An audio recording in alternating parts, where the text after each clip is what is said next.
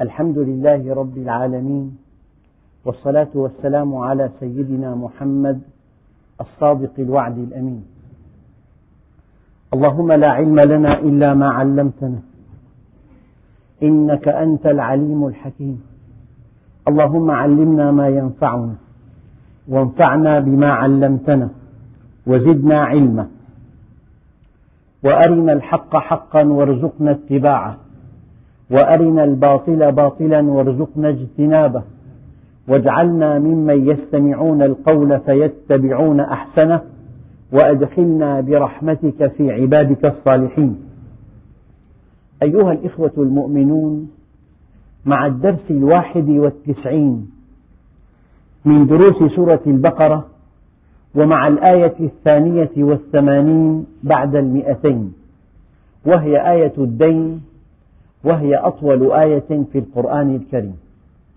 وقد صدرت بقوله تعالى يا أيها الذين آمنوا بادئ ذي بدء الله عز وجل خاطب الناس عامة بأصول الدين. يا أيها الناس اعبدوا ربكم وخاطب المؤمنين بفروع الدين. فإذا قال الله عز وجل يا أيها الذين آمنوا أي يا من آمنتم بي يا من آمنتم بوجودي ووحدانيتي وكمالي يا من آمنتم بأني خالق هذا الكون وربه ومسيره يا من آمنت آمنتم بعلمي وقدرتي وحكمتي وقوتي افعل ولا تفعل. فالله عز وجل خاطب المؤمنين في ثمان وتسعين آية ولم يخاطب الكفار ولا بآية. إلا في آية واحدة في اليوم الآخر. يا أيها الذين كفروا لا تعتذروا اليوم. فكل آية موجهة إلى المؤمنين يا أيها الذين آمنوا أي يا من آمنتم بي آمنتم بعلمي وحكمتي آمنتم بأنني أنا الخلاق ذو القوة المتين افعلوا هذا الأمر. فالله عز وجل خاطب عامة الناس بأصول الدين وخاطب المؤمنين خاصة بفروع الدين. وهذه الآية من فروع الدين. ولكن لماذا أتت هذه الآية بعد آيات الربا؟ ذكرت لكم أن الربا أساسه أن المال يلد المال. فإذا ولد المال المال تجمع المال في أيد قليلة وحرمت منه الكثرة الكثيرة. هذا الفارق الطبقي بين الأغنياء والفقراء وراء كل الثورات وراء كل الانحرافات وراء كل المشكلات التي يعاني منها البشر. الأصل أن يكون هذا المال متداولا بين الناس متداولا بين الناس. فإذا ولد المال المال تجمع المال في أيد قليلة وحرمت منه الكثرة الكثيرة. الربا يشيع البطالة يرفع الأسعار يجعل الأموال في أيد قليلة وراء كل الانحرافات وراء كل المشكلات وراء كل الثورات. بديل الربا. البديل. الربا قرض ربوي يعني قرض مأجور. أما البديل القرض الحسن. أما المشكلة. إذا وزنت بين قرض حسن وبين قرض ربوي القرض الربوي على الآلات الحاسبة أربح إذا وزنت بين القرض الحسن والقرض الربوي القرض الربوي أعلى وأعود فائدة على الآلات الحاسبة. ولكن يجب أن تكون الموازنة لا بين قرض وقرض ولكن بين سخط الله ورضوانه. بين دنيا محدودة منقطعة وبين آخرة أبدية. بين نعيم مقيم وبين متع سريعة الزوال. فربنا عز وجل جعل القرض الحسن عملا صالحا عملا صالحا. تبتغي به وجه الله. وفضلا عن ذلك يمحق الله الربا ويربي الصدقات هناك ثواب في الدنيا معجل وثواب في الآخرة مؤجل. القرض الحسن يربو وكأنه صدقة والقرض الربوي يمحق ماله وكأنه مال السحت يا أيها الذين آمنوا إذا البديل القرض الحسن. الآن أقف وقفة متأنية. أحيانا البائع يساعد المشتري يحسن إليه بجعل هذا المبيع تقسيطا من دون زيادة. وأحيانا يساعد الشاري البائع ببيع السلام. يعني إنسان في عنده قطيع غنم والموسم جفاف وليس معه ثمن العلف فجاء من يشتري صوف هذا الغنم بعد حين بعد ستة أشهر أو بعد سنة ودفع له ثمن هذا الصوف مقدما. هذا بيع السلم. بيع السلم معاونة الشاري للبائع. التقسيط غير الربوي معاونة البائع للشاري. كلاهما عمل صالح. ربحك فيه في الدار الآخرة. أما الذي يرجو الدار الآخرة يؤثر القرض الحسن وبيع السلم. والذي يؤثر الدنيا يؤثر القرض الربوي والبيع الربوي. إذا الله عز وجل حرم الربا وجعل الربا أصل الفساد الاقتصادي حيث تجمع الأموال في أيد قليلة وجعل الربا خطرا منتشرا وهدد عليه بحرب من الله ورسوله. وما من معصية على الإطلاق. هدد الله مرتكبيها بحرب منه إلا معصية الربا. يمحق الله الربا ويرضي الصدقات. ذلك أن المال قوام الحياة. ذلك أن التكليف أن يكون المال بين أيدي الناس جميعا. كل الناس في بحبوحة. كلهم يسكنون بيوتا مريحة. يأكلون طعاما مغذيا. يربون أولادهم. يعالجون مرضاهم. أما حينما يستخدم الكسب الربوي مكان الكسب المشروع حينما تجمع الأموال في أيد قليلة تنشأ المشكلات التي لا تنتهي. والمشكلة أن الإسلام ليس مسؤولا عن آلاف المشكلات التي تفجرت من عدم تطبيقه أعداء الإسلام ماذا يفعلون؟ يعزون المشكلات التي تفجرت عن عدم تطبيق الإسلام إلى الإسلام ويعدونها مآخذ عليه يعني تماما لو أن إنسانا قال أنا لا أعبأ بالمهندسين بنى بيتا من دون علم وضع إسمنت قليل وحديد قليل فانهار البناء أو مال البناء تعالوا أيها المهندسون أصلحوا لي هذا الخلل. لا.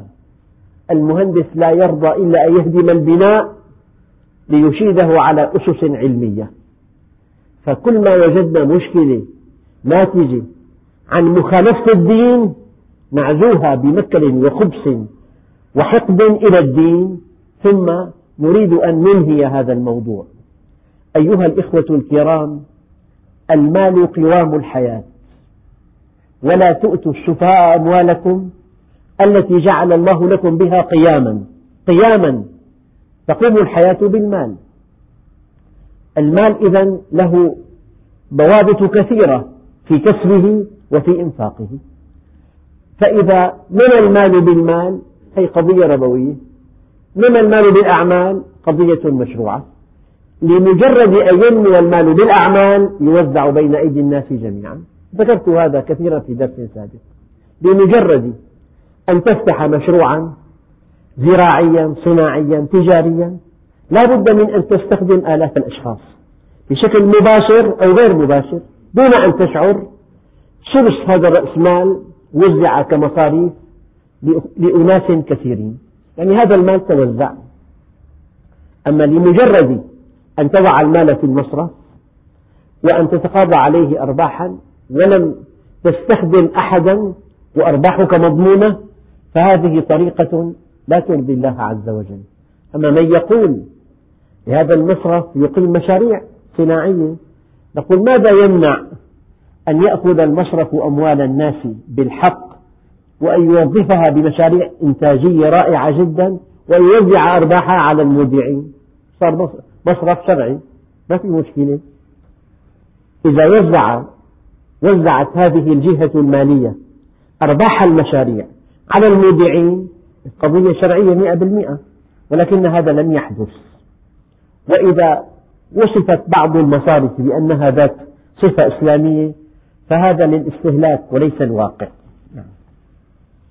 إذا البديل البيع والشراء والقرض الحسن كسب المال عن طريق البيع والشراء أو عن طريق الأعمال والإحسان ليس مأجورا الله جل جلاله يدخر لك أجره في الآخرة. فالمؤمن يرجو رحمة الله بدل أن يقرض قرضا ربويا يقرض قرضا حسنا. لا يوازن بين قرض وقرض بين قرض ربوي وقرض غير ربوي يوازن بين دنيا وآخرة بين سخط الله ورضوانه بين متع رخيصة وشيكة الزوال وبين جنة عرضها السماوات والأرض. يا أيها الذين آمنوا وأتمنى على كل واحد منا إذا قرأ قوله تعالى يا أيها الذين آمنوا أن يشعر أنه مخاطب من قبل الله عز وجل. يعني يا من آمنتم بي آمنتم بحكمتي بعلمي آمنتم برحمتي بكمالي هذا منهجكم في الحياة. يا أيها الذين آمنوا إذا تداينتم بدين لا يغيب عن أذهانكم أن إذا تفيد تحقق الوقوع بينما إن تفيد احتمال الوقوع. قال تعالى إذا جاء نصر الله والفتح لا بد من أن يأتي. هذه سنة الله في الكون. لا بد من أن يأتي ولو بعد حين. إذا أما يا أيها الذين آمنوا إن جاءكم فاسق بنبأ قد يأتي وقد لا يأتي. هنا يا أيها الذين آمنوا إذا تداينتم معنى الدين حاجة أساسية في العلاقات الاجتماعية. أبدا. حاجة أساسية جدا في العلاقات الاجتماعية. فلذلك قال تعالى يا أيها الذين آمنوا إذا تداينتم يعني تقرضه ويقرضك تعينه ويعينك تأخذ بيده ويأخذ بيدك. ذلك أن الله عز وجل قهرنا على أن نأكل ونشرب. قيام أجسامنا يحتاج إلى طعام وشراب. نحن مقهورون بالطعام والشراب. وهذا الطعام والشراب يحتاج إلى مال. نحن مقهورون بالعمل. وهذا العمل يحتاج إلى جماعة.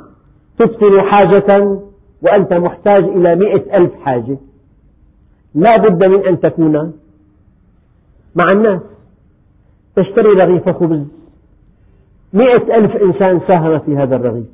بدءا من زراعته وتنميته وسقيه وتسميده وحصاده وتجفيفه وطحنه وخبزه.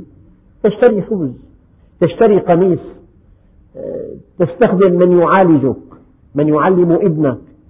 تبطل حاجة وأنت محتاج إلى مئة ألف حاجة. أنت مقهور بالطعام والشراب مقهور بالعمل مقهور أن تكون في جماعة. وأنت في جماعة تمتحن هنا وأنت في الجماعة تمتحن. إما أن تصدق وإما أن تكذب. إما أن تخلص وإما أن تخون إما أن تستقيم وإما أن تنحرف إما أن ترحم وإما أن تقسو إما أن تعطي وإما أن تأخذ. هو الامتحان. فجزء أساسي من علاقاتنا قضية الدين. من هذا الذي يمنع الماعون؟ الذي يمنع الماعون هو الذي يستدين ولا يوفي.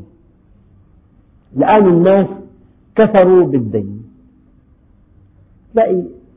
يطلب الدين برقة بالغة بأدب الجم فإذا تملك المال لا يسأل ولا يلقي لك سلاما ولا يعتذر أبدا. كل إنسان يستقرض ولا يرد يمنع الماعون. تروي الكتب أن رجلا يركب فرسا في الصحراء. في أيام الحر الشديد وتحت أشعة الشمس المحرقة. رأى رجلا ينتعل رمال الصحراء المحرقة. رق له دعاه إلى ركوب الخيل. ولم يكن يدري أن هذا لص من لصوص الخيل.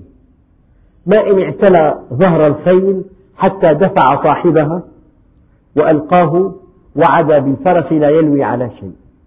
ناداه صاحب الفرس يا هذا لقد وهبت لك الفرس. ولن أسأل عنها بعد اليوم. ولكن إياك أن يشيع هذا الخبر في الصحراء. فتذهب منها المروءة وبذهاب المروءة يذهب أجمل ما فيها. لأن الناس أقرضوا وما استوفوا كفروا بالدين. مثل آخر مشابه.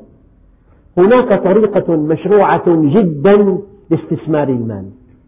وحاجة استثمار المال حاجة أساسية جدا. طفل يتيم امرأة أرملة شيخ كبير موظف متقاعد.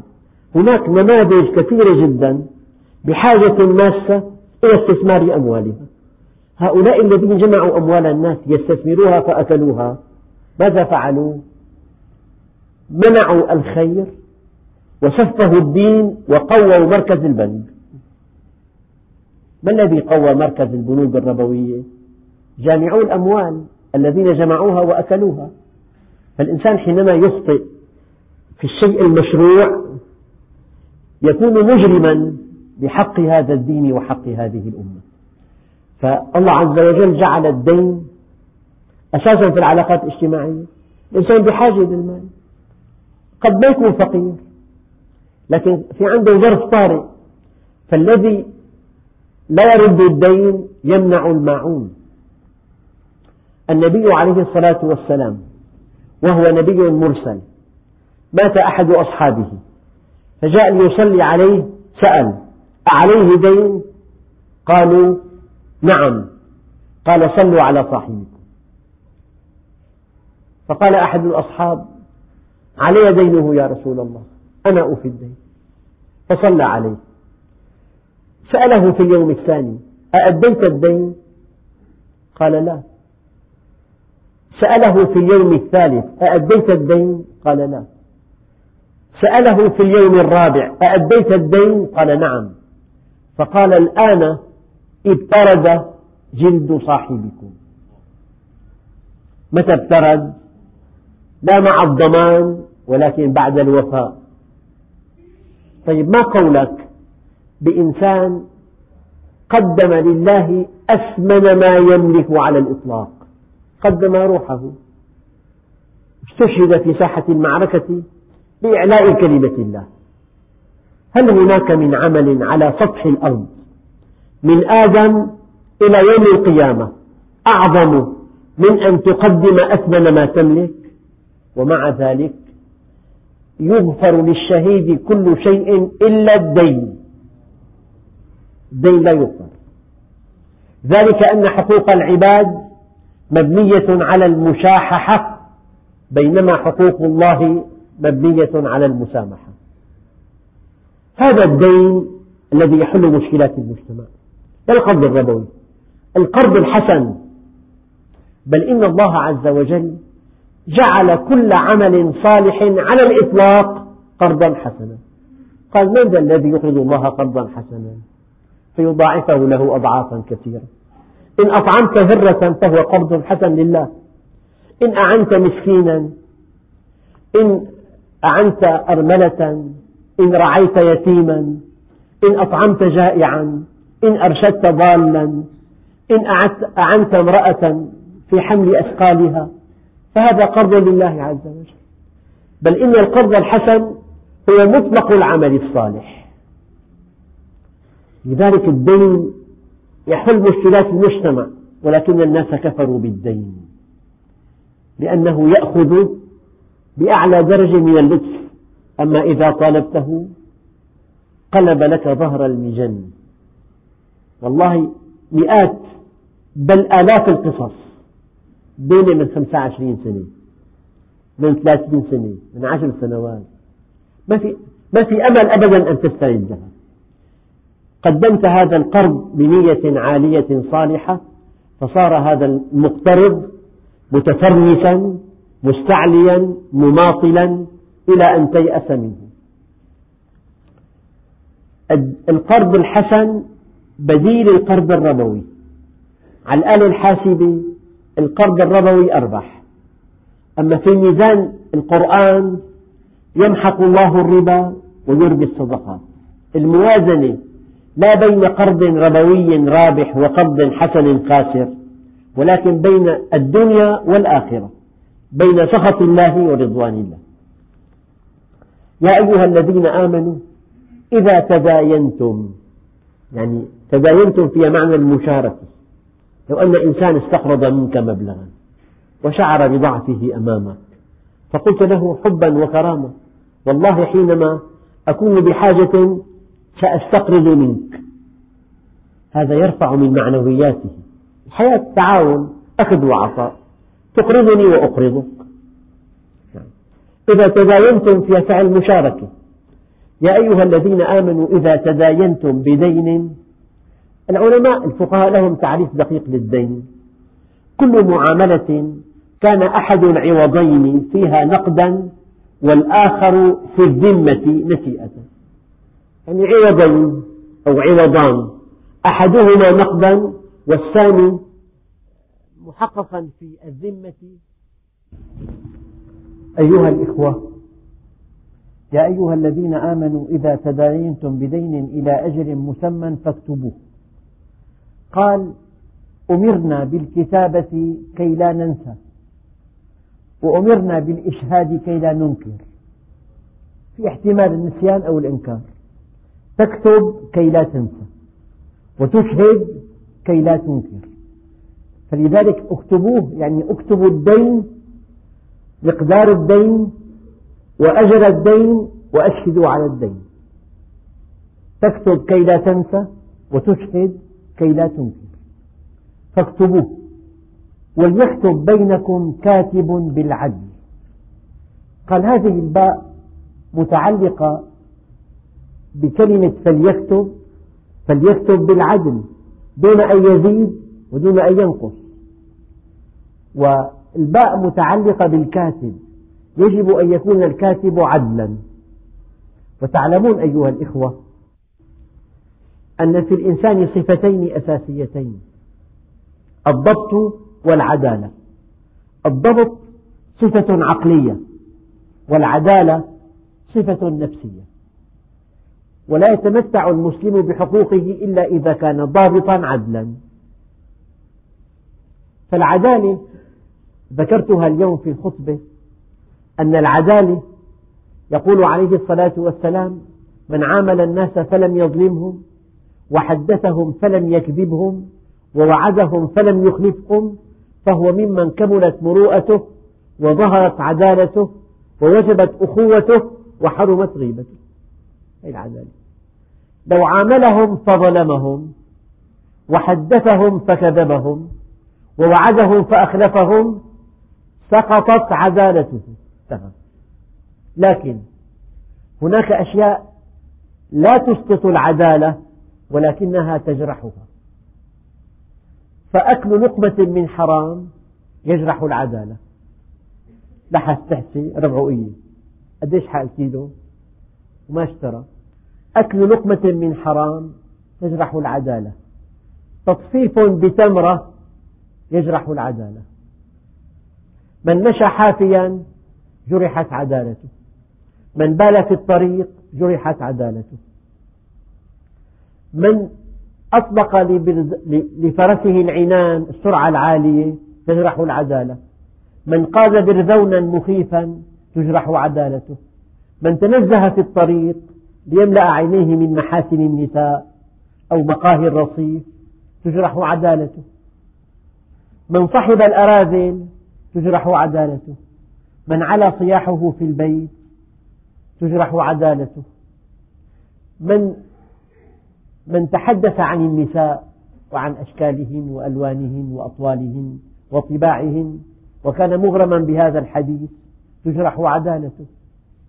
فلذلك العدالة والضبط صفتان أساسيتان في المسلم. الضبط يعني صفة عقلية والعدالة صفة نفسية. وليكتب بينكم كاتب يجب أن يكون الكاتب عدلا. هلا وإذا كتب ينبغي أن يكتب بالعدل. فالباء باء بالعدل متعلقة تارة بيكتب ليكتب بالعدل. وتارة كاتب بالعدل. كما علمه الله فليكتب وليملي للذي عليه الحق. الذي ينبغي أن يملي هو الذي عليه الحق. وليتق الله ربه ولا يبخس منه شيئا. يعني الكاتب يكتب هو عدل يكتب من دون زيادة من دون نقصان. ولا يأبى كاتب أن يكتب كما علمه الله. إذا دعي الكاتب إلى الكتابة ينبغي أن يكتب. وإذا دعي الشاهد إلى الشهادة ينبغي أن يكتب أن يشهد. هذا واجب ديني. لكن يقول الله عز وجل بعد حين ولا يضار كاتب ولا شهيد. إنسان يرتزق يوما بيوم تدعوه لأداء شهادة في مكان بعيد. لا بد من أن تعطيه تعويضا. الكاتب ممنوع أن يأبى والشاهد ممنوع أن يأبى أن يشهد. الطرف الثاني عليه ألا يضر كاتبا ولا شاهدا. فليكتب وليملي للذي عليه الحق وليتق الله ربه ولا يبخس منه شيئا. فإن كان الذي عليه الحق سفيها أو ضعيفا أو لا يستطيع أن يمل هو. السفيه الذي اختل عقله. أو الصغير. أو الذي لا يحسن أن يتكلم.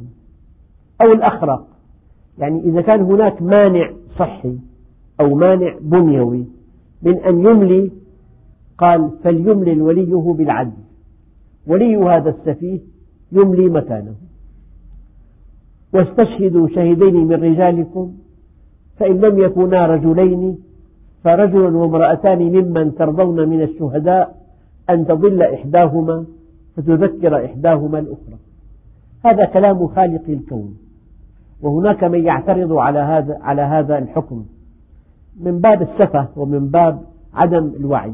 ولكن نقل إلي أن هناك بحث علمي دقيق حول شهادة المرأة وشهادة الرجل. يعني الآن لا يحضرني تفاصيل هذا البحث ولكن إن شاء الله حينما يقع تحت يدي أعرضه عليكم. يعني هناك بنية خاصة في المرأة. هي في مجال متفوقة جدا وفي مجال أقل تفوق. والرجل في مجال متفوق جدا وفي مجال أقل تفوق. إنهما متكاملان. واحد يقوم بمهمته خارج المنزل يحتاج إلى قوة إدراك إلى قوة إرادة إلى شخصية قوية إلى إلى بصيرة ثاقبة إلى حزم إلى علم. هي تربي أولادها وترعى زوجها تحتاج إلى عاطفة جياشة إلى انفعالية عالية تحتاج إلى وفاء إلى ود. فهي لها دور. لا تنافس فيه الرجل وهو له دور لا ينافسها فيه. على كل إن شاء الله في القريب العاجل أضع بين أيديكم ملخص هذا الموضوع. ولا يأبى الشهداء إذا ما دعوا ولا تسأموا أن تكتبوه صغيرا أو كبيرا إلى أجله. سبحان الله الإنسان بالكتابة يطمئن الدليل الله عز وجل قال كتب ربكم على نفسه الرحمة. الله لا يكتب بس يطمئننا قضية مكتوبة. إنسان بيشتري بيت من دون عقد شفهي؟ يبقى قلق. متى يرتاح؟ حينما يكتب عقد بوقعه بوثقه فبنية الإنسان تحب التوثيق تحب التأكيد والشيء المكتوب آكد وأقوى. فربنا عز وجل من أجل انتظام العلاقات الاجتماعية قال هذا الدين من أعظم أبواب الخير. فإذا دفع الدين ولم يكتب ولم يؤدى اضطرب هذا الحبل ومع اضطرابه تفسد العلاقات الاجتماعية عندئذ لا بد من التعامل بشكل آخر ربوي. فمن أجل ضمان هذا العمل الصالح ضمان هذه الحاجة اليومية للمجموعة البشرية كانت آية الدين. ولا تسأموا أن تكتبوه صغيرا أو كبيرا إلى أجله. ذلكم أقسط عند الله وأقوم للشهادة وأدنى ألا ترتابوا. فمن أجل ضمان هذا العمل الصالح ضمان هذه الحاجة اليومية للمجموعة البشرية كانت آية الدين. ولا تسأموا أن تكتبوه صغيرا أو كبيرا إلى أجله. ذلكم أقسط عند الله وأقوم للشهادة وأدنى ألا ترتابوا. أنا لا أبالغ مئات ألوف الحوادث اغتصاب الأموال اغتصاب الشركات الخلاف بين الشركاء أساسه عدم الكتابة. حدثني أخ قال لي اشتريت مشروع تجاري أنا واحد مناصفة بمبلغ بسيط جدا. ثم نما نمت قيمة هذا المشروع إلى أن بلغت مئة ضعف تقريبا. هو أعطاني دفعات وعدها من رأس مالي وأخرجني من الشركة. صار المشروع قيمته بدأ مئات من الملايين وبدأ برقم رمزي جدا. قال اتفقنا بس ما كتبنا. فرد لي أقساط ظننتها أرباح هي من رأس مالي. رد لي رأس المال وقال لي ما لك علاقة بالمشروع. فكل إنسان ما بيكتب بيدفع الثمن باهظ أكتب. أكتب لئلا تنسى. وأشهد لئلا ينكر. بيقول سيدنا معاوية رضي الله عنه سأل عمرو بن العاص وكان من دهاة العرب قال يا عمرو ما بلغ من دهائك؟ قال له والله ما دخلت مدخلا إلا أحسنت الخروج منه. له لست بداهيا أما أنا والله ما دخلت مدخلا أحتاج أن أخرج منه. أقول لكم هذه الحقيقة. أنت اتفقت مع شخص بعقد تجاري ما سجلته. كتبت ما وقعته وقعت ما وثقته وثقت ما ثبته بالمحكمة البدائية. أنت عم تعطي الطرف الثاني حرية حركة عم تغريه يأكل لك مالك عم تغريه دون أن تشعر. فإذا أغريته وأكل هذا المال حراما هل تصدق أنك أنت هو السبب؟ أنت السبب. أنت ما حصنته بعقد. لو أنك حصنته بعقد ما فعل هذا. تماما لو واحد جاب موظف وجعل المال بين يديه من دون حساب شيء مغري أن يأكل من هذا المال. من يصدق أن الذي يتيح لإنسان أن يسرق يعاقب هو كسارق؟ لأنه سبب فساد إنسان. فلماذا الكتابة للتوثيق؟ أنا لا أبالغ هناك مئات ألوف الحالات المؤلمة جدا. اغتصاب بيوت على شركات على علاقات على قروض على ديون على حقوق أدبية. كل هذا بسبب عدم الكتابة. إله يقول لك يا أيها الذين آمنوا إذا تداينتم بدين إلى أجل مسمى فاكتبوه. وليكتب بينكم كاتب بالعدل. ولا يأبى كاتب أن يكتب كما علمه الله. فليكتب وليملل الذي عليه الحق. وليتق الله ربه ولا يبخس منه شيئا فإن كان الذي عليه الحق سفيها أو ضعيفا أو لا يستطيع أن يمل هو فليملل وليه بالعدل واستشهدوا شهيدين من رجالكم فإن لم يكونا رجلين فرجل وامرأتان ممن ترضون من الشهداء أن تضل إحداهما فتذكر إحداهما الأخرى ولا يأبى الشهداء إذا ما دعوا ولا تسأموا أن تكتبوه صغيرا أو كبيرا إلى أجله. ذلكم أقسط عند الله وأقرب للشهادة وأدنى ألا ترتابوا. وفي درس قادم إن شاء الله نتابع هذه الآية الطويلة إلا أن تكون تجارة حاضرة تديرونها بينكم. فليس عليكم جناح ألا تكتبوها وأشهدوا إذا تبايعتم. ولا يضار كاتب ولا شهيد وإن تفعلوا فإنه فسوق بكم واتقوا الله ويعلمكم الله والله بكل شيء عليم والحمد لله رب العالمين